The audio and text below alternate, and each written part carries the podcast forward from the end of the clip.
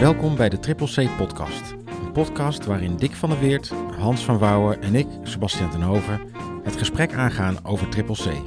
Elke podcastaflevering bespreken we één onderdeel. Dit is aflevering 11: Zorgtechnologie en innovatie. Triple C.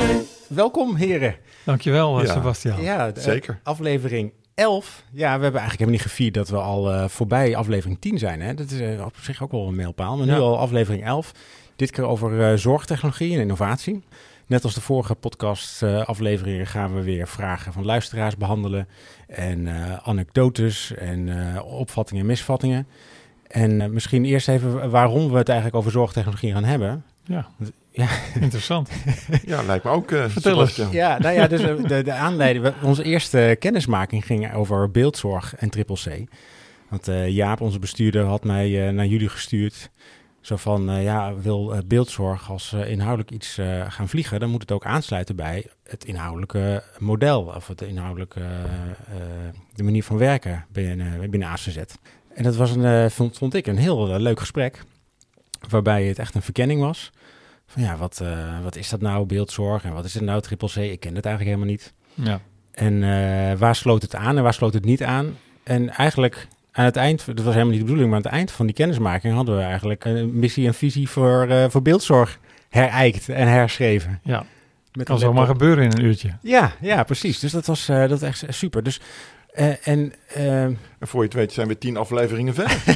ja, Wat een ontmoeting was dat toch, zeg. Ja, nee, was, was fantastisch. Ja, en eh, zeker. Eh, eh, om, om die verkenning eigenlijk door te zetten, dacht ik, eh, d- d- daar kan deze podcastaflevering wel voor dienen.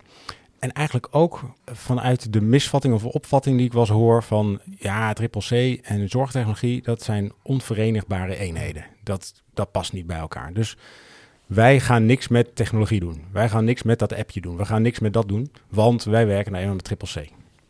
Nou, in dat gesprek wat ik met jullie toen had, merkte ik al van ja, dat, zo, zo zwart-wit is het niet. Laten we in ieder geval gewoon gaan verkennen Ja. van eh, wat, wat, wat is het, wat sluit dan wel aan en wat sluit dan niet aan? Welke grijstinten zijn er eigenlijk? Ja, en welke kleur kunnen we eraan geven? hè? Nou, precies. Ja, Ja. ja, ja, heel goed, heel goed. Zeker.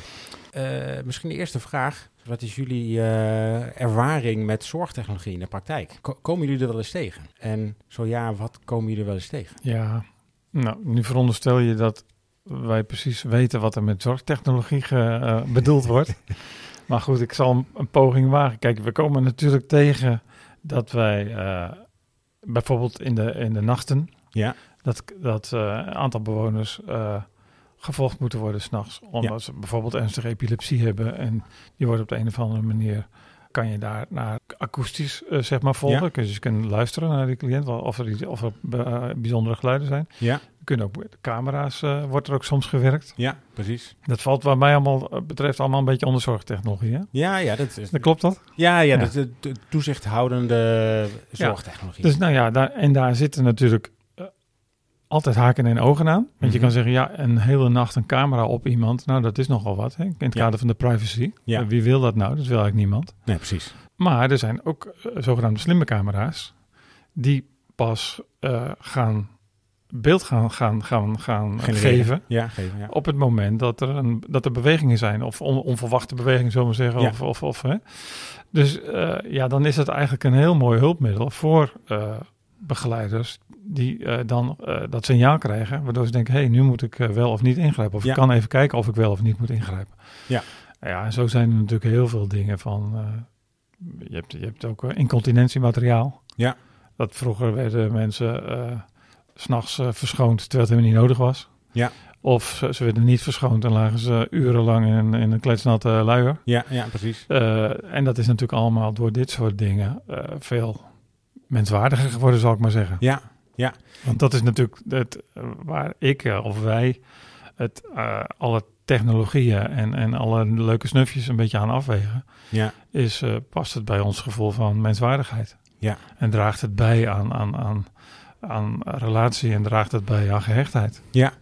Nou, dat vind ik wel grappig, want we hadden eh, twee of drie afleveringen geleden hadden we het over de, de BIG, triple Ja, C-doelen. Zeker. Hè, is het, eh, eh, voegt het betekenis toe Zeker. en vergroot het de invloed, hè, de I Ja. van invloed. Ja, En is het gehechtheid bevorderend. zeker.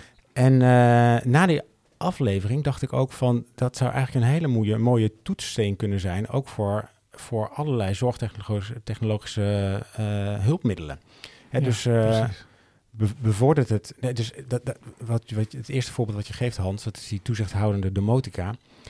Ja, dat, dat is niet zozeer voor de cliënt, dat is meer voor de, voor de organisatie. Omdat je ja, s'nachts dus niet overal kan zijn en je kunt het niet overal bemensen. Nee. Maar zo'n Ja, zo'n daar slimme ben ik niet helemaal mee eens. Want Nee? ook als je, als je bij wijze van spreken er wel bent, hè, dat zeggen mensen wel eens. Ja, maar als je op die woning bent, heb je al die technologie niet nodig. Dat weet ik niet.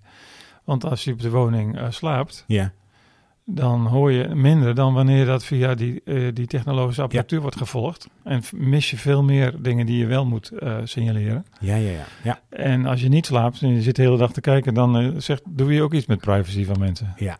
Dus dat heeft ook wel voordelen voor de, voor de bewoner. Voor de, voor Ja, de dat bedoel ik. Ja. En die luier die ik noemde, dat je drie uur lang in een natte lui ligt. Ik denk dat dat toch een voordeel voor die bewoners is, Ja. dat dat korter is. Dat, dat is, eh, dat is bijna, bijna een no-brainer. Yes. Hè, dus eh, je, Ja. je verschoont er minder. Je hoeft ook niet s'nachts de, de nachtrondes te doen. Hè? Dat je Ja. om drie uur s'nachts iemand uit zijn slaap haalt. Omdat hij Dus je kunt het kijken vanuit efficiency, maar Ja. je kan ook zien van eh, het is ook comfort voor de cliënt, Ja, voor de bewoner. Ja, dus voegt het weer betekenis toe voor die cliënt. Ja. Hè? Ja. Lichamelijk welzijn in ieder geval. Ja. Of een betere nachtrust. Daar heb je overdags weer eh, voordeel van. Ja. Ja, je kan ook natuurlijk denken aan zorgtechnologie voor begeleiders. Hoe worden Mhm. ze zich bewust van hun hartslag? Hè? Ja, Ik heb natuurlijk wel eens gezien dat eh, een PMT-man ja, met hartslagmeters werkte. ja, Om eh, medewerkers bewust te maken hoe spanningsvol ervaren zij die situatie. ja, Nou ja, eh, als je dat dus ervaart, je, je denkt er is niks aan de hand, maar er Mhm. gebeurt toch het een en het ander in je. Nou, dan kijk ik weer naar de G van gehechtheid bevorderen. ja, Hoe betrouwbaar ben je dan? Als jij denkt dat er niks aan de hand is, maar die cliënt heeft het al lang gesignale- Ja. gesignaleerd. Dus ik denk, voor mij is zorgtechnologie allemaal wat instrumentele toevoegingen. instrumentele toevoeging. Instrumenteel. Zo gezegd betekent het niks, Mhm. maar als je het gericht kan toepassen op betekenis toevoegen, invloed Ja. vergroten en gehechtheid bevorderen, dan krijgt het dus betekenis in het geheel. Ja. Dus dat instrumentele ding Ja. krijgt betekenis. Nou, dat, dat is precies wat, wat, wat mij eigenlijk de laatste jaren, eh, of in het begin, dat zorgtechnologie een beetje populair werd, of Mhm. meer, eh, meer eh, grond aan voet, voet aan de grond kreeg. Eh, toen was het heel erg op het gadgetniveau. En daar hebben we het de vorige afleveringen ook over gehad. En dan wordt het allemaal trucjes. Zeker. Hè, dus dan, dan wordt de vorm, niet, niet de waarde en de norm, maar de vorm, die wordt dan verheven tot, tot doel. En dan, eh, eh, dat, dat hebben we de voorbeelden te over hebben. Bijvoorbeeld er is zo'n medicijndispenser. Dat is een, een apparaat voor, voor de thuiszorg. En daar zit dan de Baxter-rol. Hè, dus die Mhm. zakjes met medicijnen zitten erin. En op een gegeven tijdstip dan eh, piept dat ding. Dan, eh, dan moet je aangeven, ja, ik ben er. Hè, dus, en dan, eh, dan spuugt hij eigenlijk het volgende zakje uit. En dan moet je ook nog drukken van, ik heb hem ontvangen. En dan kun je dus zelf je medica- medicatie krijgen. Nou, dat, dat was dan een keer in een pilot positief bevonden bij een zorgorganisatie. Vervolgens zegt de bestuurder, hoeveel eh, cliënten hebben we? Oh, 200, oké, 200 van die apparaten. en flats, eh, wordt Ja. overal uitgerold. En, eh, Ja. en die blijven allemaal eh, stofhappen op het, eh, op het aanrecht. En niemand gebruikt het. Ja. Omdat het dus ineens van vorm wordt verheven naar, eh, naar doel. Ja. Zeker. Dus dat, dat, dat, staat, dat staat me tegen in zorgtechnologie, ja, als je het zo bekijkt. En eigenlijk ook met de kanslijnen nu. Hè? Ik weet niet of jullie daar eh, Nou, vertel eens. de kan- kanslijnen van de VGN en ehm, de Zorgverzekeraars Nederland. Mhm.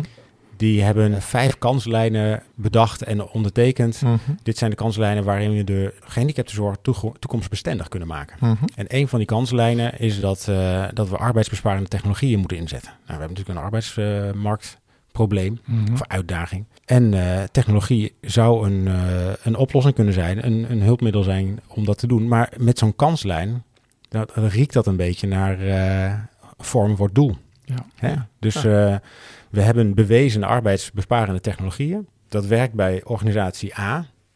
Nou, eh, de rest van Nederland, doe dat ook. Ja. En dan, dan werkt het. Ja. Ja. En is het dan, is het, moet het doel dan zijn om, om arbeidsbesparend te, te werken, zeg maar? Of moet, het, eh, moet, je, moet je ook dan het afwegen tegen, eh, ja, wat heeft die cliënt nou nodig? Eh, Ja. Voldoet dat arbeidsbesparende nou aan, aan, aan de behoeften van die cliënt? Mhm. Zo nee, dan moet je misschien toch nog eens goed nadenken of je dat dan op die manier wel wilt inzetten. Exact. Ja.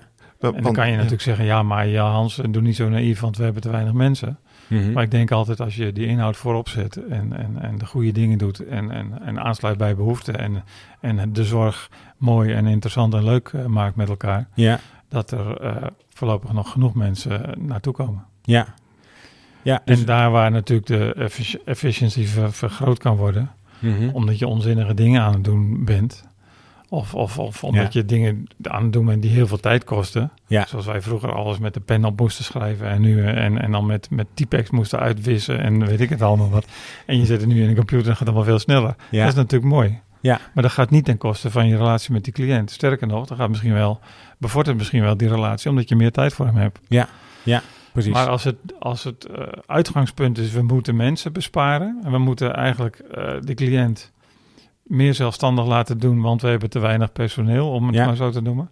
Ja, dan, eh, dan vind ik het wel eh, ja, eh, goed om daar nog eens heel goed over na te denken en dat tegen je waarde te houden waar Ja. je voor staat. ja, ik zit bijna op het puntje van mijn stoel. Want we hebben natuurlijk in ons boek gehad over al die tradities. ja, Vanuit welke tradities ontstaan dan dit soort middelen? Is Ja. dat er vanuit een defecttraditie? Eh defecttraditie. ja, uitgaan van tekorten, de Ja. handicaps, de stoornis. Ja. In ons geval misschien, wij gaan niet uit van probleemgedrag. Maar als je dus wel uitgaat van probleemgedrag, Ja, dan ga je straks het signaleringsplan vervangen door de slimme sok. ja. Dus je wij noemen dat dan, je stopt met de ene truc en je, en je gaat over op de andere truc, de andere vorm. Ja. Ja, is wel een voortvloeisel in onze optiek van de defecttraditie. Ja. Dus je bent eigenlijk die defecttraditie aan het eh, ja, versterken en Ja. vasthouden. In plaats van dat je toch gaat kijken vanuit die menselijke behoeften. precies. Waar heeft nou de, wat is nou jouw vraag? Ja, Ja. Of, de, of de traditie van eh, zelfstandigheid, autonomie, zelfredzaamheid, eh Exact. et cetera, et cetera. Ja. Terwijl je ook weet dat eh, eh, veel, de meeste van onze bewoners dus dat, dat ultieme punt van autonomie nooit zullen bereiken. Nee, nee. Hoort namelijk bij de verstandelijke beperking. Dat Ja. je, dat je ondersteuning nodig hebt. Ja.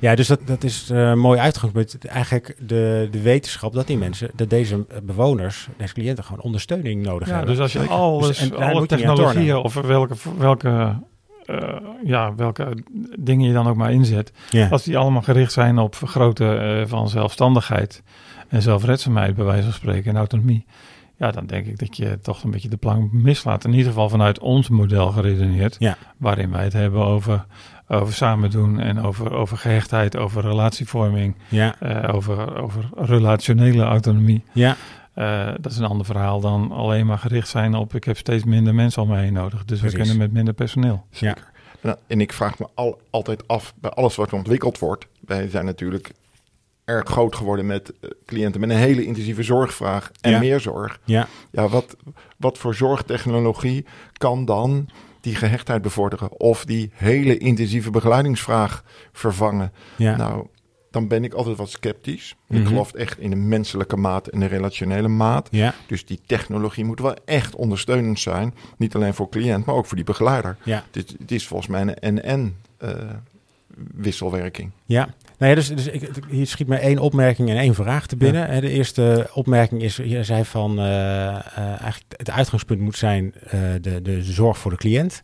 En dan de rest, daar hebben we het vorig jaar ook over gehad, is een neveneffect. Hè? Even Mhm. de, de, Ja. Het slimme incontinentiemateriaal heeft voordelen voor de, voor de cliënt. Betere nachtrust, zit niet in, Ja. in nat, nat spul de hele dag. Waarschijnlijk is de huidkwaliteit ook beter. Ja. Een neveneffect is dat je dus ook minder afval hebt.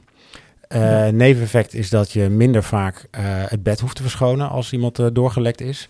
Dat zijn weer minder eh, belastende werkzaamheden voor een medewerker. Dus dan heb je mogelijk ook minder verloop, minder verzuim. Ja. En, en we, hebben, we hebben een pilot gedraaid die bij ASVZ het bespaart op een groep zo gemiddeld 20 uur per week Mhm. aan, Ja. aan arbeid. Dat is toch geweldig? Ja, dus, het, de- dus dit is een voorbeeld van dat, Precies. dat die zorgtechnologie Ja. niet ingezet is als arbeidsbesparend. Ja, en maar dan hoop ik stiekem, altijd dat het begint bij het comfort van de cliënt. Ja. En dat het dan uiteindelijk blijkt ook nog eh, efficiënter en goedkoper te zijn. Dat is natuurlijk prachtig. Ja, nou goedkoper is het nog niet helemaal, maar dan moeten we met een leverancier over in gesprek. Oké. Maar het is in ieder geval wel een, een enorme besparing qua tijd en qua eh, voor, de, voor de medewerker. Maar goed, dat, is, dat is het neveneffect. Dus dat was de opmerking. En de vraag die, ik- die ik eh, wilde stellen is eh, die, die relatie en de gehechtheid. En zorgtechnologie, dat, dat is een beetje de, de spanning die ik zo eh, voel, die ik merk. Hè? Mhm.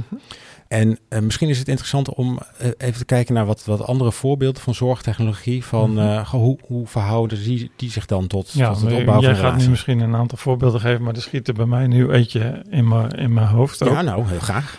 Ehm, van, ik was een keer op een congres, is al jaren geleden hoor. Ja, En dan vertelde iemand, die had iets, een, een snufje ontwikkeld, zeg maar. Ja. Een, een, technologisch eh, dingetje ontwikkeld. ja, En die was er heel trots op.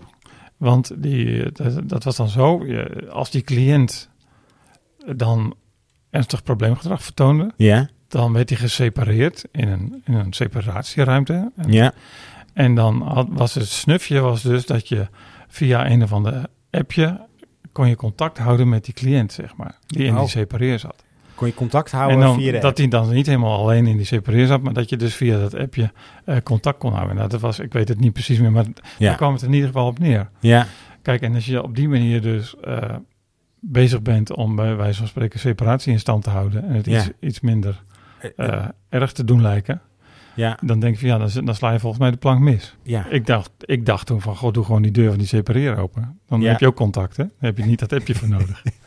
Ja, en precies. nou, dus, En, dan, nou en, ja. je, en, je, en je- als je echt van het separeren bent, dan eh, sla je doel ook voorbij als je dan toch nog contact gaat houden. Ja, en Maar goed, en dus hier komt dat punt van, ja, weeg je het nou af tegen menswaardigheid en, en, en, eh, Ja, en gehechtheid? ja, Of, of denk je, oh leuk nieuw snufje, dat gaan we gebruiken.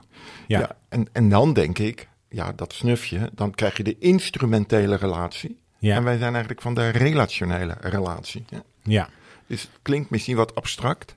Nou, leg eens uit dan wat je bedoelt met het verschil tussen de instrumentele en de relationele relatie. Nou, eh, het menselijk contact. ja, Ik voel aan, jij voelt aan, de wisselwerking. Dus wat heb jij nodig, wat heb je nou niet nodig? Het is aanvoelen, eh, aansluiten, aanvullen. ja, Ja, en als ik dan eerst via de- mijn watch moet kijken, oh, die cliënt heeft mij nodig. ja, ja, Ja, dan, dan gaat mij dat gewoon te ver.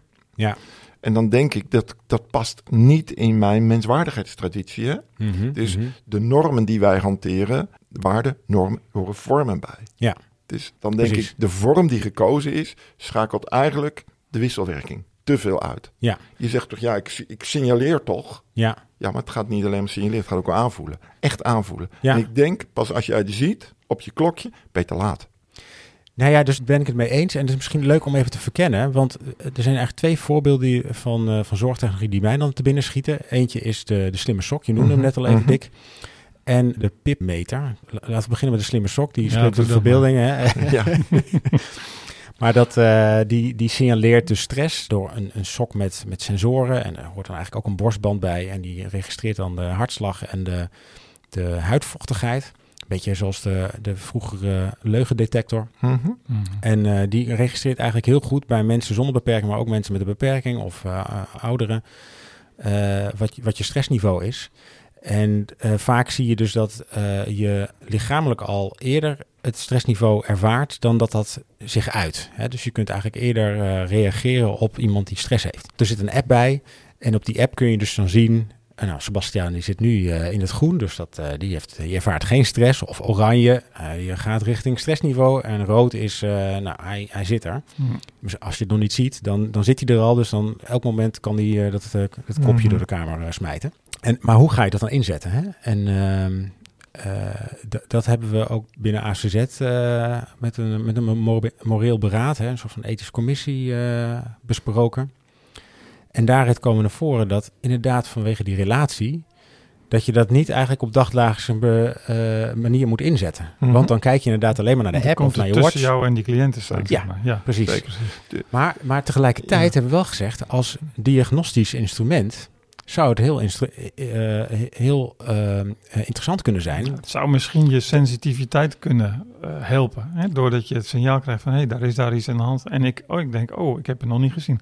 Dus mijn sensitiviteit zou erdoor bevorderd kunnen worden. Maar Nou dan ja, moet je ook- het wel van donders goed gebruiken, inderdaad. Nou ja, precies. Maar ook dat, dus zoals we, zoals we er nu naar, kijken, is dat je het bijvoorbeeld inzet voor een bepaalde periode. Hè, dat je twee, drie weken inzet. En dan krijg je dus een soort van stresspatroon Mhm. gedurende de dag die je hebt. Dus als, je, als het jou niet lukt en je team niet lukt, of de driehoek het niet lukt om precies te, te ontdekken waar, dat nou, waar de schoen wringt, zo gezegd. Ja.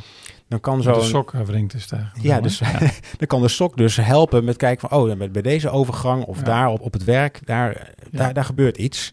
Om dan vervolgens dat, dat gegeven weer te kijken, eh, te gebruiken, om weer naar de situatie te En kijken er van... zijn natuurlijk heel veel manieren om die stress dan te zien en te signaleren bij overgangssituaties of, waar, of wanneer dan ook. Ja. Maar dit zou mogelijk een hulpmiddel kunnen zijn. Maar ik, ik zie eigenlijk in, in zoiets als zo'n slimme sok, dat, daar, heb ik, dan ben ik dan wel een beetje sceptisch eh, over. Ik zou eerder eh, even denken aan wat Dick in het begin zei eh, over begeleiders. Ik zou eerder een slimme sok voor begeleiders eh, Oh ja, gebruiken dan. Want die, om, om hen te laten ervaren, hé, hey, mijn hartslag loopt nu op. ja. Of mijn stress neemt toe. Terwijl Ja. ik me misschien daar nog niet helemaal echt van bewust was. Mhm. En je, dan kan je dat reguleren namelijk. En als jij als begeleider je eigen stress kunt reguleren ja. en rustig kunt blijven, eh, ja, dan kan je ook veel beter eh, cliënten begeleiden dan wanneer je natuurlijk eh Vol overloopt van van stress. stress. Ja, ja, precies. Kijk, en dat klinkt mij weer als muziek in de oren eigenlijk. Hè? De bewustwording van de omgeving. Ja. Dus het is een contextueel model. Ja, Dus we behandelen, we willen helend zijn door middel van de omgeving. Ja, Ja. wie is de omgeving van de mens die bij ons woont? Dat is die begeleider. ja, Als die begeleider zich daarvan bewust wordt, kunnen we misschien daar ook weer beter in coachen en trainen. Via Ja. onze weerbaarheidsteam, hè? zeg ja. maar. Ja, precies. Nou, een ander, dat sluit hier wel aan. Het andere voorbeeld dat is de PIP-sensor. Dat is eh, van een collega van ons, die, die gebruikt dat in eh, zijn eh, behandelingsgesprekken met, met LVB-cliënten. En dat is een, een, soort van een clip die je op, de, op je vinger zet. En die, die laat dan zien wat je stressniveau is. Dat, die kan het op verschillende manieren doen. Met kleurtjes, maar die kan het ook als een soort van game laten zien. Hè? Dus dan... als je niet gestrest bent, dan, eh, dan verschijnen mooie landschappen of Mhm. eh, vliegen, vliegen bepaalde beesten weg of zo. Maar als je gestrest bent, dan wordt het wel wat donkerder. Mhm. En, eh, maar hij merkte in de behandelkamer dat hij met, met een cliënt wat ontspanningsoefeningen deed. Want die persoon had last van, van stress. Nou, ademhalingoefeningen, et cetera. Ondertussen die clip op. Maar dat, dat sloeg helemaal niet aan. Dat werkte eigenlijk helemaal niet Mhm. met. Dus op het eind van die oefening maakte, maakte de behandelaar een grapje. En je zag ineens poef, dat die stress naar beneden stress ging. naar beneden. Dus dat gaf zowel de, de medewerker als de, als de cliënt inzicht van... ja, Ja. we kunnen wel ademhalingsoefeningen doen, maar gewoon een grap. Even lachen, Een beetje nuchter en, lucht, en luchtig, eh, ja. dat werkt veel beter om die Ja. stress te reguleren. Dus eh, nou, nu maken ze veel vaker grapjes met En nu, elkaar. komt, nu komt de hamvraag. Heb je daar dat al, had je dat apparaat daar nou echt voor nodig? Nou, blijkbaar Zeker. wel. Ja, Zeker. Ja. Ja, en ah, we, het is waarderend onderzoeken wat we in deze, in deze podcast doen. Dus het lijkt er bijna op dat Ja. we misschien al veel te gericht zijn op de cliënt. Ja, Misschien veel te weinig gericht zijn voor ons dan op die begeleiders. Die Ja. eigenlijk die ondersteuning eh, moeten bieden. ja, ja. Dus je zou ook kunnen denken, in hoeverre kan zorgtechnologie ons ondersteunen in de coaching van begeleiders? Ja, Dan draai je het eigenlijk om. En ja, Mhm. dat doen we al 30 jaar, hè? ja, ja. ja, zou ja. ik zeggen. En misschien past dat ook wel in dit verhaal. Ja, we hebben het eerder al over beeldzorg gehad. Hè? Nou, daar, hebben we het, daar hebben we het eigenlijk al omgedraaid. Want wij begonnen bij ACZ eigenlijk met het idee van zelfstandigheid bevorderen. ja. Maar in het gesprek met jullie eh, eh, gaat het meer om het eh, zelfvertrouwen Zeker. bevorderen. En Ja. vanuit het zelfvertrouwen ontstaat dan eigen initiatief. En, eh, Ja, in, in de podcast ging het toen ook over die betrouwbaarheid. Je belt en er komt gewoon iemand in beeld. Ja. Voor jou. ja, Nou, hoe mooi is dat? ja, precies. Huh? En dan, dus, en dan eh, ondersteunend aan de relatie die je dus als, als bewoner of cliënt al hebt met je bestaande begeleider. Dus het is, het is niet dat, je, dat de beeldzorgcentrale het dan overneemt. Mhm. Hè? Maar die kan Nee. dus, dus de beeldzorgcentrale kan gewoon bijspringen Ja. en ondersteunend zijn. En aan de medewerkers. Ja. Dus dat is dan ook wel arbeidsbesparend Ja. als neveneffect. Maar vooral voor de cliënt. Zeker. En ons eerste gesprek ging toen over beeldzorg. Ja. Heb je toen naar aanleiding van ons gesprek wat aanpassingen gedaan in de eerste opzet? Ja. Dan, zijn dan hebben we een gesprek nu met jou daarover. Hè? Ja, En weet je nog welke aanvullingen je toen hebt gedaan naar aanleiding van ons gesprek om dat document aan te passen? Of passender te maken dan dat het al was? ja dat is dus met name dat, dat zelfstandigheid. Mhm. dus dat, dat, dat triggerde me wel van ja, wie wil nou dat de cliënt zelfstandiger is? Willen wij dat of wil de cliënt dat zelf? Mhm. nou, dus dat, dat was een eye-opener. En in die bestaande relatie, dat, dat is een, een toevoeging. Ehm, kijk, woorden die doen naartoe. Dus we hebben het ook gewoon meer verwoord in triple C-termen. Mhm. Maar het grappige is met beeldzorg ook eh, over woorden doen naartoe. dat je vaak mensen hoort zeggen van eh, ja, eh, beeldzorg is zorg op afstand. Mhm. Maar dan, dan creëer je eigenlijk al een soort van ruimte Exact. tussen je. Ja, exact. terwijl je Ja. ook kan zeggen, het is juist zorg dichtbij. Ja, Hè? Met heel veel zorgtechnologie. op je eigen scherm in je eigen woonkamer. Ja, het is En dichtbij. dan nog op een moment Zeker. dat er geen andere zorg is. Is, Meestal, ja, precies. Ja, en de, de verstandelijke En beperking kun je niet uitzetten. Die heb je gewoon 24-7. Exact, exact. Dus eh, dan moet je ook 24-7 eigenlijk beschikbaar zijn. Dus die beeldzorg is gewoon ongelooflijk aanvullend. Ja. Juist. Als er even niemand beschikbaar is. Ja? Ja. precies. En die Precies. zouden zonder die beeldzorg zou die ook niet beschikbaar zijn. En dan zou die cliënt veel meer stress ervaren. Exact. Omdat Ja, hij geen, exact. geen beroep op, op wie dan ook kan doen. Ja, precies. En eh, sommige mensen zeggen ook van, ja, dit is, eh, er zit een scherm tussen. Hè, er zit een scherm tussen mij en de... Mhm. Maar je kunt ook zeggen, het, het, het is gewoon contact via het scherm. Dus Mhm. het, het, het zit hem net in de woorden. Dus Ja. wat dat betreft eh, heb ik wel veel herschreven en eh, die Mhm. uitgangspunten Mooi. opnieuw beschreven. Wat, wat echt wel een mooie aanvulling is. We moeten onze rubrieken niet vergeten. Zeker. Oh. De rubriek vragen. Vragen van luisteraars. oh. Ja, Kijk aan. Dit gaat helemaal niet over zorgtechnologie, maar dit eh, sluit er misschien wel een beetje eh, op aan. Dit is eh, van ehm, eh, Tom, die werkt ook in de zorg. Die verbaast zich over het verschil in visie. Hij zegt van, ik, ik, heb, ik heb een triple C mindset en gelukkig lukt het hem dan niet de focus op probleemgedrag te hebben, maar juist naar de andere dingen te kijken. Maar hij merkt dan in zijn organisatie dat er ook veel wordt gewerkt met signaleringsplannen. Hoe kijken jullie naar het gebruik van signaleringsplannen en waar zou ik het gesprek moeten openen om meer richting te geven naar de behoeften in plaats van het probleemgedrag? En misschien mag ik even zeggen waarom ik, waarom ik deze vraag relevant vind voor. Ja, ja. Vertel. Nou, omdat eh, de, de slimme sok bijvoorbeeld. Hè, is met- eigenlijk een signalerings is een signaleringsplan. hè? Je ziet op je schermpje, oh, Sebastian is oranje, dan moet ik er naartoe. Dan moet ik aandacht geven. Is hij groen, hoef ik geen aandacht te geven, bij wijze van. En misschien een beetje historisch besef, maar Hans, jij zei dan een keer dat voorheen eh, zorgverzekeraars eigenlijk van alle zorgorganisaties eisten dat er met signaleringsplannen zou worden gewerkt. Ja, ik weet niet of het zorgverzekeraars waren. kwamen, kwamen wel eens eh, bezoeken van de inspectie. Oh, de inspectie. En ja. dan zeker, zeker. bij mensen met ernstig probleemgedrag. Dan zeiden ze van waarom hebben jullie geen signaleringsplan? Ja. Dat hadden we dus niet. En dat was wel gebruikelijk in, op veel plekken om een signaleringsplan te hebben. En dan zodat je kan zien van eh, het is fase 1 of 2 of 3. Of het is fase groen, oranje of rood. Ja, En eh, eh, dan moet ik in die fase dit doen en die, in die andere fase moet ik iets anders doen. Ja. Ja, wij hebben het nooit gebruikt omdat we... Het is grappig als je die signaleringsplannen bekijkt. Dan zie je vaak bij die, bij die groene fases die dan besproken worden of beschreven worden. ja. eh, daar staat betrekkelijk weinig tekst. Als je, en als, je, ja, als, ik, als je een beetje zo door je wimpers, door je oogharen heen naar, naar zo'n naar zo'n signaleringsplan kijkt, dan zie je vaak bij groen eh, fase niet zoveel staan. Nee, dus En hoef je eigenlijk niks te doen als, eh en bij- als ja, dat is de valkuil. ja. de En, valkuil, en, en zeker. bij oranje er staat eh, een stuk meer en, Ja. bij, en bij rood staat eh, nog veel meer. En Ja. daar staat dan eigenlijk, bij rood staat dan eigenlijk hoe die cliënt begeleid moet worden. Ja. Eh, Even los van eh, dat er dan soms ook nog dingen in staan die wij hier nooit zouden doen, van iemand afzonderen of wat dan ook. Ja. Maar de, dan, bij, bij rood staat dan heel uitgebreid beschreven, je moet zo, zo, zo, zo, zo Mhm. duidelijkheid bieden, houvast bieden, eh, enzovoort, enzovoort, in contact blijven. Ik denk, ja, doe dat van tevoren. Ja. Dan kom je misschien nooit, eh, hè? Schrijf dat, in oranje. schrijf dat nou bij groen, Ja. als je het toch per se op wil schrijven. Dus ja, en het, en het, het kan, het hoeft niet hoor, maar het kan belemmeren dat je de manier waarop je zelf kijkt. Ja. En, en Ja. het kon- kan dus tussen jou en die cliënt komen te staan. En je, en je gaat op een uiterlijk kenmerk af. Oh, Pietje trekt zijn wenkbrauwen op. Dan moet ik zus of zo doen. Ja. En, het, en ik vind dat niet... het- Mogelijk is het bedoeld voor, om je sensitiviteit te vergroten. Maar ik denk dat het er juist soms eh, dat, dat belemmert. Ja, daar sluit ik me zeker bij aan. Want ik vraag, ik zie veel begeleiders. Ik kom in veel instellingen. Ja. Waarom heb je nou dat signaleringsplan? Nou, dan hoor ik vaak, nieuwe mensen weten wat ze dan moeten doen. Ja. Ja, ik zeg, bij probleemgedrag. Je Ja. zegt, ja, dat klopt. Ik zeg, maar je hebt toch ook een dagprogramma? Ja. Daar staat toch in wat je moet doen? Ja. En je zou bijna, zou bijna lijken of er een soort constante is door de dag heen. Of we geven ruimte, of we geven richting of uitnodigen. Maar Ja. het is natuurlijk de kunst van het hele verhaal.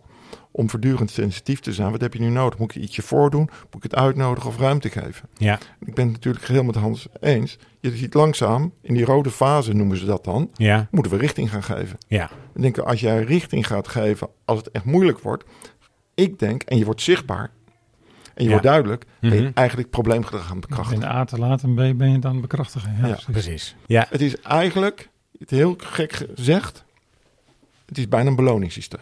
Een, be- ja, een omgekeerd Een beloningssysteem. relationeel beloningssysteem. ik word duidelijk en, Ja. ik, en ik, Maar het heeft dus heel veel mee te maken hoe je dit soort eh, dingen gebruikt. Hè? Ja. Net hadden we net met die, met die zorgtechnologische snufjes natuurlijk Ja, ook over. exact. Dat geldt voor zo'n eh, voor zo'n eh, zo'n zo'n signaleringsplan ook. Maar- het CCE, eh, Centrum voor Consultatie en Expertise, die heeft daar Ja. een keer een boekje over geschreven, een aantal jaren geleden. Mhm. En dat heette volgens mij, als ik het uit mijn hoofd goed zeg, eh, signaleringsplannen, een vloek of een zegen. Ja, En dat, eh, als je dat boekje leest, dan, dan blijft dat een beetje in het midden hangen. Omdat het heel veel te maken eh, mee heeft hoe je het gebruikt. ja, Het moet bij je uitgangspunten en bij je waarde passen. Menswaardigheid, menselijke behoeften, gehechtheid. Zo kijken wij daarnaar. En dan zetten we dingen wel in of niet in.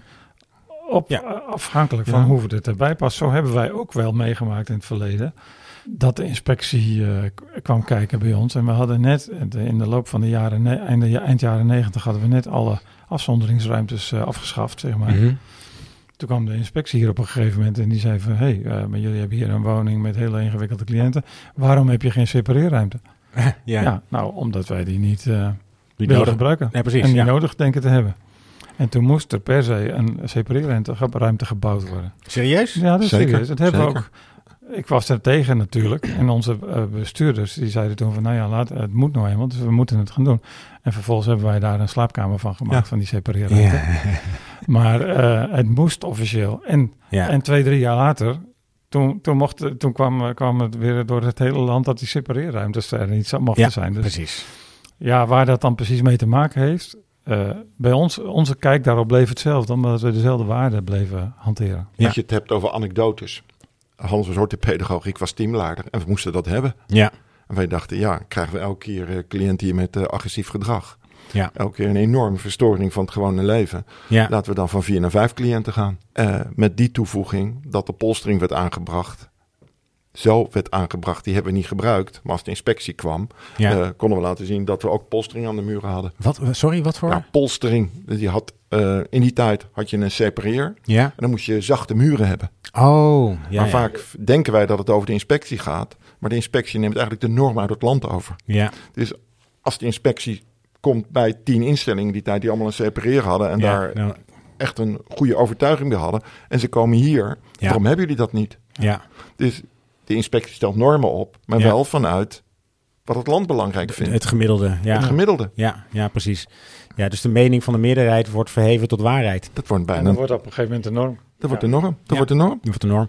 Ja. Ja, en dat, datzelfde heb ik, dat idee voel ik een beetje bij, bij zorgtechnologie. Het is nu al zo dat je eh, een beetje gekort wordt op je zorgbudget. Tenzij je bepaalde zorgtechnologische hulpmiddelen in gaat zetten. En dan, eh, dan krijg je er een beetje bij. Ja, want Ja. waar jij mee begon, de arbeidsmarktproblematiek en Ja. uitdaging. Ja. Nou, voor mij is het niets anders dan 98. Toen kregen we ook hier geen personeel. Mhm. En wat ik bijna nu lijkt, is dat we de arbeidsmarktproblematiek, moeilijk mensen kunnen vinden, Ja. bijna benutten en gebruiken om, laten we dan overgaan op zorgtechnologie. Ja. Maar stel je nou voor dat het NN is. We moeten zorgen dat elke organisatie een goede magneet wordt voor medewerkers. Ja. Daar moeten we gewoon goed voor zorgen. Ja. Plus de inzet van zorgtechnologie die gehechtheid bevorderend. Ja. Nou, Ja, precies. Nou ja, en wat jij in het begin ook zei van eh, Hans, eh, bijvoorbeeld eh, vroeger was het met schrijven en tipex en tegenwoordig is het Ja. Hè, er zijn ook allerlei technologieën die kunnen helpen. Hè. Ja, dat, dat, Dick zei het ook hoor, met, met het ECD en bepaalde zeker. onboardingprogramma's waarbij Zeker. je gewoon echt veel sneller up to speed bent. Ja, Dat helpt eh, in, de, in de vermindering van de administratieve last. Zeker. En ben je heel dom als je dat niet gebruikt. Nee, ja, Ja. inderdaad. Ja, precies. kijk, als je het toch over verlangers hebt. En hoe kun je begeleiders ondersteunen? En hoe kun je toch meer het zorgoverleg eh gestalte geven? Stel je spreekt af, deze cliënt heeft in een bepaalde situatie richting nodig. Ja. En je kunt aankruisen, eh, we hebben geen richting we geven ruimte. Ja. En dat krijg je aan het einde van de maand krijg je een prachtige grafiek. We spreken richting geven af en uit de rapportage komt ruimte. Ja, dat er misschien een relatie te leggen is met onze manier van begeleiden en wat we afspreken Ja, in de toename of afname van probleemgedrag. ja, ja. Kijk, ik ben niet van die zorgtechnologie die dat kan ontwikkelen. Maar daar zou toch in het land, als iemand dit hoort, kunnen zijn die zegt: ja, luister. Oh, wat een nieuwe rubriek, de oproep van Dick. De oproep. Hoe kunnen we nou het werk voor begeleiders zo maken Ja, in combinatie met ons model? Maar daar is natuurlijk nog best wel winst in te Daar is behalen. winst in, te het- behalen. Ja, in hoe je rapporteert en hoe je dat dan de rapportage zo doet dat het bij eh, je model past. Zeker. Ja. En daar zo eh, maandelijks of, of wekelijks Ja. of hoe vaak je dan ook wilt precies. gegevens uitkomen. Ja, Stel je voor dat je door die zorgtechnologie kan zien voor die begeleiders, hé, dat gehechtheidsgedrag neemt toe. ja, Die cliënt vlucht niet naar zijn kamer, die komt mijn hulp halen. ja, Nou, dat zou toch mooi zijn als dat uit de rapportage gaat blijken. ja, ja, precies. Ja, heel mooi. Zorgtechnologie is niet de panacee, of hoe zeg je, de oplossing Ja. Nee, zeker niet. voor, eh, voor al onze problemen. Het is een Ja. middel, Een vorm, een middel. net als, eh, laten we zeggen, ouders weer meer betrokken mogen worden. Hè? Ja, Wat ja. we de hele lange tijd hebben afgeleerd. Dat Ja. we nu zeggen, je bent gewoon welkom. ja precies. Dat, is, dat, dat is dan nu innovatie, ja. Wat eigenlijk weer... Maar ik hoop dat ouder- logica als ouders een belangrijkere rol spelen in, in, de, in, in het omgaan met hun eigen dochter of zoon. Ja, Dan hoop ik dat dat is omdat zij dat graag willen en omdat, die, omdat het Exact. prettig is voor die zoon of die ja, dochter. ja, ja. En dat het niet is omdat, omdat wij mensen tekort hebben, zeg maar. Nee, nee, dit moet, eh, precies. Als het een moedje is, dan gaat het ook niet werken. Dan moeten we we hebben in het verleden natuurlijk wel eens ouders eh, voor een deel buiten de deur gehouden, terwijl ze veel meer hadden willen doen of kunnen doen. Ja, Eh, ja, dat is natuurlijk heel jammer en spijtig achteraf. Als je, als je mensen gewoon kunt inschakelen in de, in de begeleiding en verzorging van hun eigen kind, is natuurlijk perfect. Maar niet Dat- met het doel om te bezuinigen. Exact. nee, nee. Want dat is, dat, dat is nog geen vraag geweest, maar die heb ik wel in mijn LinkedIn-post gekregen. Oh. Van een ouder die zegt, ja, ik heb, hoor niks over de driehoek eh, met ouders. nee, Doen, precies. doen die er dan niet toe bij jullie? Nou, wat is het antwoord op de vraag? Het zijn natuurlijk een van onze allerbelangrijkste partners in het leven van een kind. Hè? Ja, En, en ik hoop toch niet dat we ouders in de omgang met een kind hier mhm. onder gaan dompelen in zorgtechnologie. Ik denk dat vaders en moeders, of wie dat ook mogen zijn, niks beters weten wat hun kind nodig hebben precies. dan de professionals hier. Die voelen dat natuurlijk van mijlen ver aan. Ja, Ja. Ik wou ook nog even benadrukken dat ouders, verwanten, in, ook in ons model, hele belangrijke mensen zijn ja, in het leven van eh, hun zoon of dochter. ja, heel mooi. De rubriek anekdotes. We strooien eigenlijk de hele tijd al met anekdotes over verschillende zorgtechnologische oplossingen. Ja, en dat, separeerruimtes en wat dan ook. Ja, ik zat nog even te denken. Er zijn twee mooie voorbeelden van zorgtechnologie bij ASVZ eentje en eentje bij een andere zorgorganisatie in Zeeland. En die wil ik even aan jullie voorleggen en eh, ik ben benieuwd hoe jullie eh, reactie daarop is. En eh, een daarvan is dus van hier van het terrein. Dat is een, een bewoner die s'nachts uh, met enige regelmaat wakker is. En uh, omdat hij eigenlijk geen tijdbesef heeft, uh, dan gaat hij een beetje dwalen of loopt hij door het huis.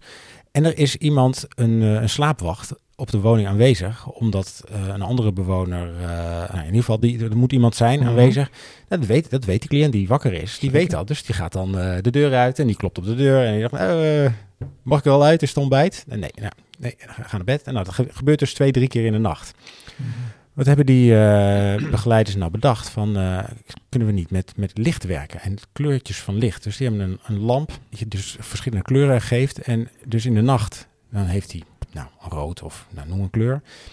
En als de cliënt dan wakker wordt, dan kijkt hij naar de lamp en zegt, oh, het is nog nacht, dus ik... Uh, en als hij groen is, mag hij wakker worden of mag hij zijn bed uit? Nou, als hij groen is, dan is het dus uh, tijd, is het tijd om op te staan. Dan, dan mag hij, dan mag hij naar de woonkamer. Een signaleringsplan zou je zeggen. dat helpt hem eigenlijk om klok te lezen. Ja. ja en te weten wanneer hij dus uh, opstaat. Ja, ja daar zijn natuurlijk ook veel dingen, ook in de, ook in de, in de zorg en de, de begeleiding van mensen met autisme zijn heel veel van dat soort ja. snufjes. Hè? Ook, hè? Hoe kun je tijdsbesef uh, creëren met, met ja. klokken die een kleur aangeven. Exact. En Eigenlijk is het een klok. tijd steeds minder, ja. uh, waar je gewoon voor ogen ziet dat je minder tijd hebt zonder dat je klok kunt kijken, zeg maar. Ja, ja precies. Nou, dat zijn natuurlijk hartstikke leuke dingen. Ja. Kijk, want als een begeleider tegen iemand zegt, ik kom zo terug. Nou, hoe onduidelijk is dat? Of ik ben met 10 minuten terug en je ja. kunt geen klok kijken. Ja. ja. Als je dan die klok hebt, ja. die je op kleur op 10 minuten kunt zetten, dan krijg je grip op je tijd. Dus dan is de klok weer betekenis toevoegend. En als die begeleider ook daadwerkelijk naar die 10 minuten terugkomt. Ja, dat moet hij dan wel doen, ja. Dan is het ook nog, dan is het ook nog gehechtheidsbevorderend. Ja, en het moet wel betrouwbaar zijn Zeker. inderdaad. Ja. Maar nog even over die lamp. Ja. Dus dan heb je technologie. Ja. Mijn vraag zou ook zijn, hoe ziet nou dat dagelijks leven van die cliënt eruit? heeft hij inspannende activiteiten. Oh, zo, ja, Ja, ja. over Ja. die lampen. hè.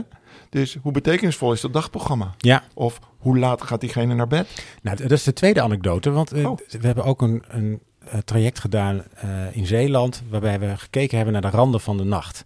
Eh, dus eh, eigenlijk liggen in de zorg, dus gehandicaptenzorg en ouderenzorg, liggen cliënten, nou, 10, 11, soms wel 12 uur eh, op een bed. Of in ieder geval in een kamer. Hè? Want de late dienst die stopt zo rond de 9 uur, half 10, afhankelijk van meer zorg of niet. Tien uur, half elf. 10 uur, ik, half hoop, 11. eh, ik hoop half elf. Nou, Hè?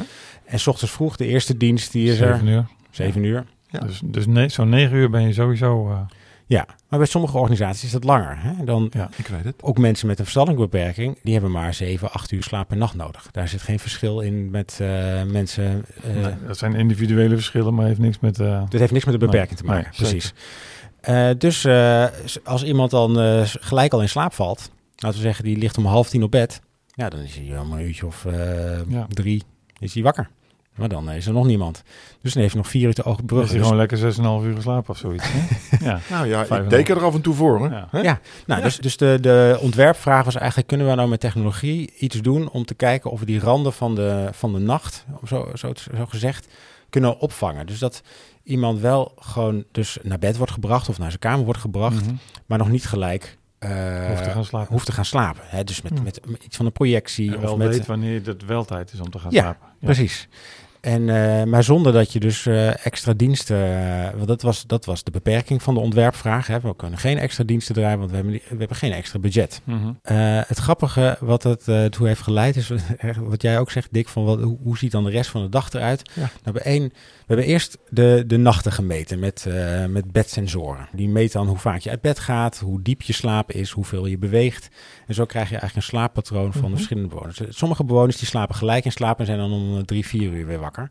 Anderen die zijn nog even wakker en die worden 's ochtends vroeg eh, wat later wakker. Dus dan kun je afstemmen van moeten we op de ochtend inzetten of de avond inzetten. Er was één bewoonster die, ehm, die ging eigenlijk na het eten, werd eigenlijk al een nou ja, werden eigenlijk de slof al aangetrokken. Eh, werden al de tanden gepoetst. Dus het was een uurtje of 7, 8. Dus die Mhm. begon dan al te zeggen, slapen, slapen. En toen Ja. hebben ze gezegd van nou, ja, misschien moeten we, die, moeten we gewoon een avondwandeling gaan maken. En eh, glas naar de glasbak brengen. En eh, dus veel later pas het signaal geven van het is eh, bedtijd. Want Ja. dan, nou ja, dus dat, dat was de eerste stap. Toen hebben we gewerkt met een, eh, een wake-up light en een, eh, Ja. s- een slaap, dus de zonsonderganglamp. Maar bij deze, deze bewoner was het geval dat hij vaak om een uurtje of, wat is het, zeven of zo wakker werd. In ieder geval een uur voordat de, dat de zorg kwam. En dan viel ze weer in slaap, want er was nog niemand.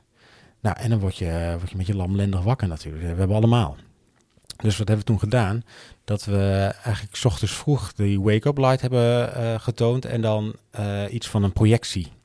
Dus dat er eh, in ieder geval licht in de kamer was en iets om te, om te, Ja. om te beleven.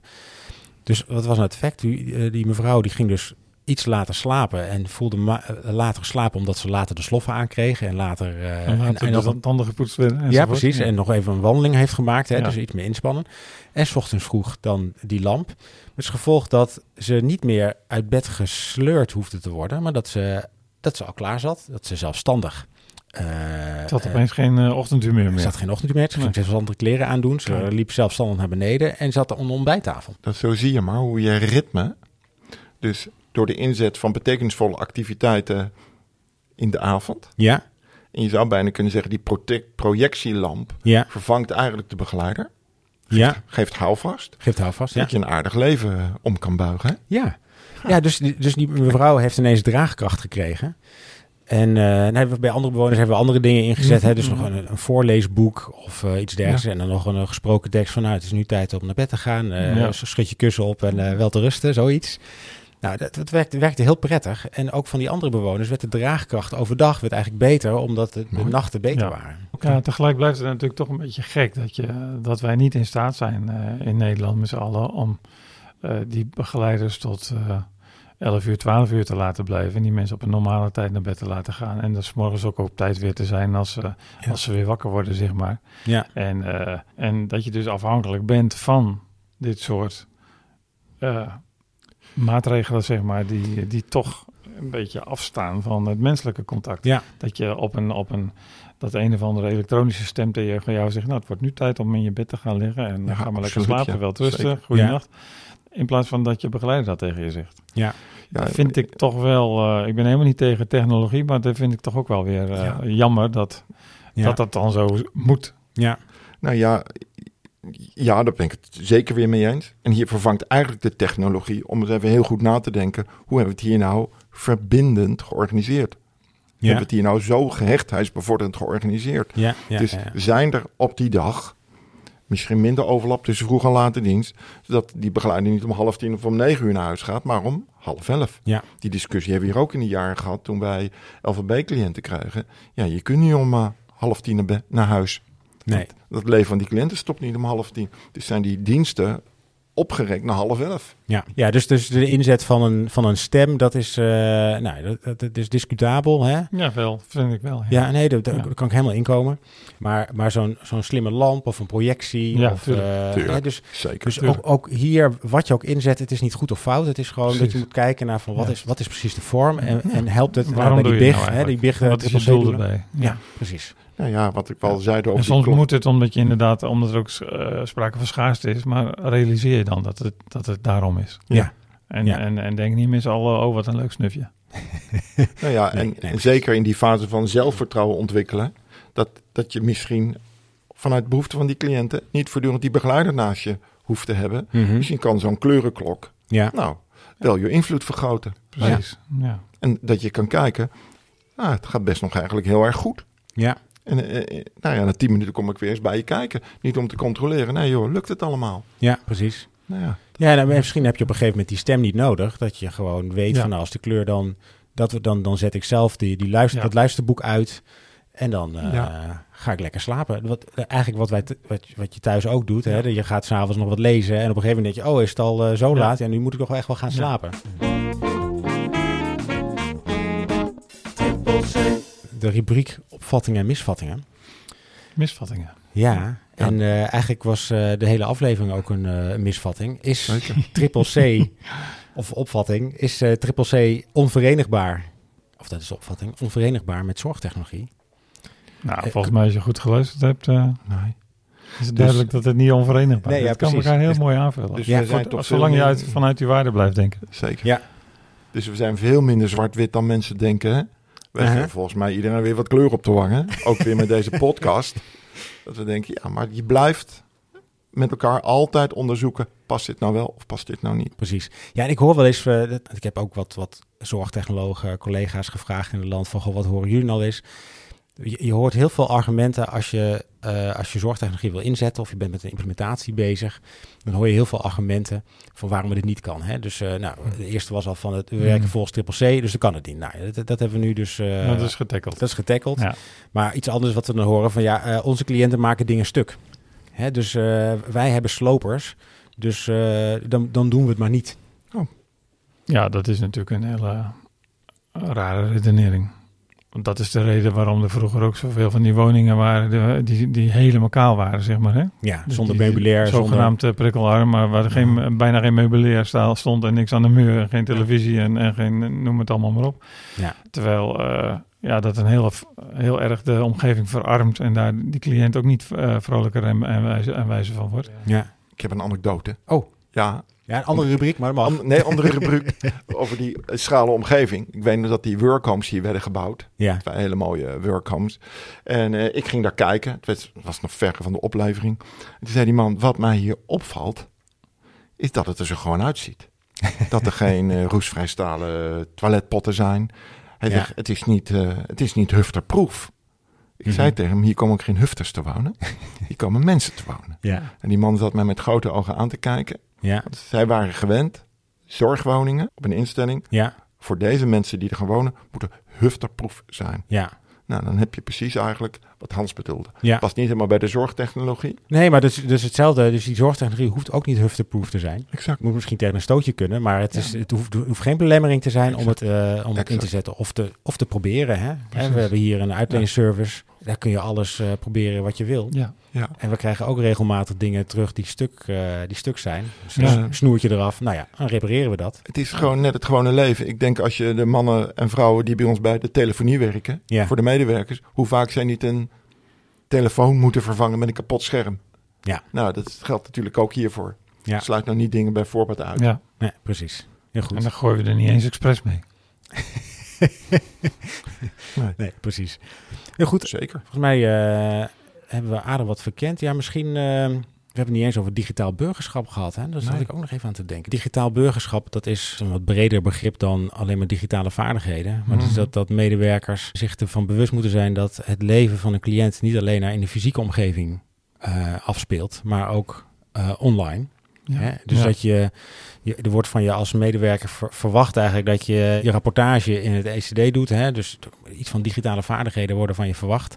Maar die digitale vaardigheden gaan eigenlijk ook in de begeleiding van, van cliënten. Dus als jouw cliënt vaak eh, op Snapchat of andere social media zitten, of die zitten op YouTube filmpjes te kijken en na zeven keer doorklikken zien ze ineens een filmpje die ze helemaal niet wilden zien. Wat je niet wil zien. Ja. nee, Maar goed, eh, het lijkt mij toch voor de hand liggend als jij een hele intensieve begeleidingsvraag hebt. Ja. Mis je wel met meer zorg. Mhm. Dat we je overal intensief begeleiden. En zodra het over de, de wereld die we niet zien, de digitale wereld, Ja, opeens jou los gaan laten. precies. Ja, dat Ja. gebeurt natuurlijk best wel regelmatig volgens Zeker. mij. En Zeker. dat, is, wel- dat is wel een, een, een item waar we gewoon alert op moeten zijn. Absoluut. Als Ja. iemand heel veel begeleiding nodig heeft bij allerlei eh, activiteiten door de, door de dag heen, dan heeft hij dus ook veel begeleiding nodig bij het surfen op internet. En, Ja. eh, en het gebruik maken van TikTok en YouTube en noem het allemaal maar op. Precies. En eh, dan, ja, dan is het toch handig of, of, of belangrijk, denk ik, dat je redeneert vanuit het emotionele niveau van iemand. Mhm. In plaats van, eh, ja, iedereen heeft recht op een telefoontje. Nee, dus, dus dat is wel mooi eh, met, de, met de waardecirkel en de behoeftecirkel.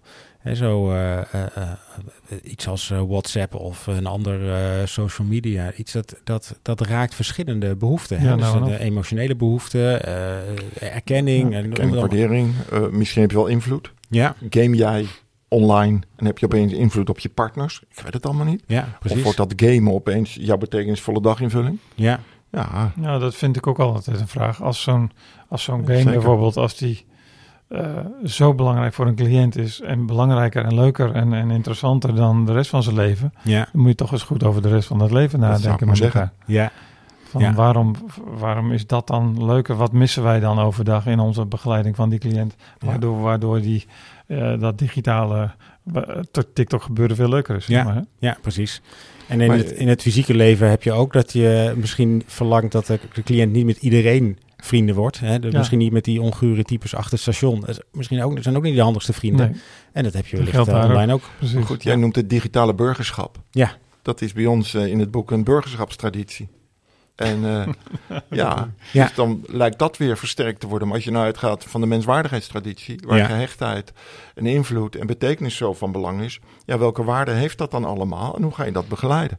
Zo zou ik het eens veel meer gaan bekijken. Hoe bedoel je? Ik, ik, ik volg je niet helemaal. nou, met, eh, met- digitaal burgerschap. ja, burgerschap, ja. Nou, wij zeggen in ons boek, mensen zijn, krijgen opeens een rol van burger. Oh, zo bedoel je. Ja, Dat dus bedoel het zijn geen burgers, maar mensen. Mensen zijn zijn gewoon mensen. mensen. Ja, Mensen. En mensen die hier wonen hebben een vraag. digitaal menschap. Dus Ja. je zou Ja. kunnen zeggen, ja, ik ben wat ouder, ja, maar misschien die jonge mensen, eh, ja, misschien zijn die daar veel- veel handiger in, hè? ja, Mijn zoon en dochter, die zijn er handiger in dan ik. Die Ja. zeggen, oh pap, dat moet je zo doen. ja, Ja, dan denk ik, ja, dat zal. En misschien zijn hier ook wel veel jongere begeleiders die zeggen, ja, er schuilt best een gevaar in. ja, En misschien kunnen we ook beter die jongere begeleiders, die hun ervaring eens benutten. Hoe Ja. zouden we dat nou kunnen doen? ja. In plaats van dat we het in een werkgroepje bedenken met allemaal mensen die dat denken. Wat zijn nou de ervaringen van de begeleiders? ja. Hebben ze gouden tips? Oh joh, Ja, dat wat kun je beter zo aanpakken. en, Kun je ja. dat zo aanpakken. Ja, ja, ja, precies. Nou, er is nog een wereld te winnen. Daar, daar Gelukkig gaan we, wel. Daar, zeker, daar, Zeker. nou, daar gaan we werk van maken. Maar van het een komt het ander, hè? precies. In de afronding ehm, hebben we het dus eh, over zorgtechnologie gehad. Viel het mee of viel het tegen, eh, heren? Het was een beetje onwennig, denk ik, voor jullie om het over dit onderwerp te hebben. Of ik hoop niet dat we te kritisch of te cynisch zijn geweest over, het, eh, over de technologie. Nee, want ik nee. denk dat het heel... eh, Maar ik vond het Ik eh, vond het verrassend interessant. Ja? Ja, absoluut. Zeker. Hartstikke Zeker. goed. Nou, mooi. Dus eh, Het was echt een verkenning. Heel fijn. ja. ja, ook dank voor jouw expertise op dit Ja, punt. Graag gedaan, Ja, graag Ja, gedaan. dat dacht ik. Het is een wisselwerking. Gaan wij nog door met de podcast? Wat ga- gaan we een volgende aflevering maken? Nou, we hebben vorige keer een bewoner eh, aan het woord gehad. Ja, En we hebben natuurlijk veel meer dan één eh, bewoner. Dus het Ja. zou leuk zijn om nog eens iemand anders ook... Ja. Ja, want vaak hoor ik mensen zeggen, ja, is triple C nou geschikt voor elke doelgroep? ja. we zeggen, wij mensen zijn geen doelgroepen, mensen zijn mensen. Ja. Dus het zou heel mooi zijn als we hier dan ook weer een mens, een bewoner of een Ja. cliënt, hoe we dat ook mogen noemen, die bij ASVZ woont, Ja, die eh, zijn of haar vertaal haal, eh, Ja. gewoon ook vertelt Ja. over de belevenissen, precies. eh, wat ze heeft meegemaakt. En de vorige keer hadden we Arnold te gast Zeker. met de teamleider. En, en wat, wat me ook leuk lijkt, is inderdaad om dan met een, met een ouder. Ja, Hè? zeker. En, en ook te benadrukken dat ouders toch echt in triple C een hele belangrijke waarde zijn. Oké, nou, dus eh, die aflevering gaan we ook nog maken. Hartstikke goed. Dat is dus Ja, de volgende zeker, aflevering met zeker. de cliënt en, en een ouder. Nou, Dan zitten we al aan geweldig. 12. Dan zitten we al aan Zeker. 12. Ja, waar gaat het eindigen? Waar gaat het heren? eindigen? Ja, Nou heel ja, veel, eh, eh, vorige keer werd 020 op de hak genomen. Ik vind het getal 14 wel een mooie, mooie streven. Maar je bedoelt de positie op de ranglijst die ze nu hebben. nou, Zeker, heel goed. Eh, mag ik jullie weer eh, hartelijk danken. Eh, ik moet ook nog even zeggen dat als er nog vragen zijn, dan kunnen die weer ingestuurd worden naar Zeker, uh, zeker. triple-c apenstaatje acz.nl. En dan eh spreken we elkaar de volgende keer weer. Dankjewel. Zeker. Dankjewel. dankjewel.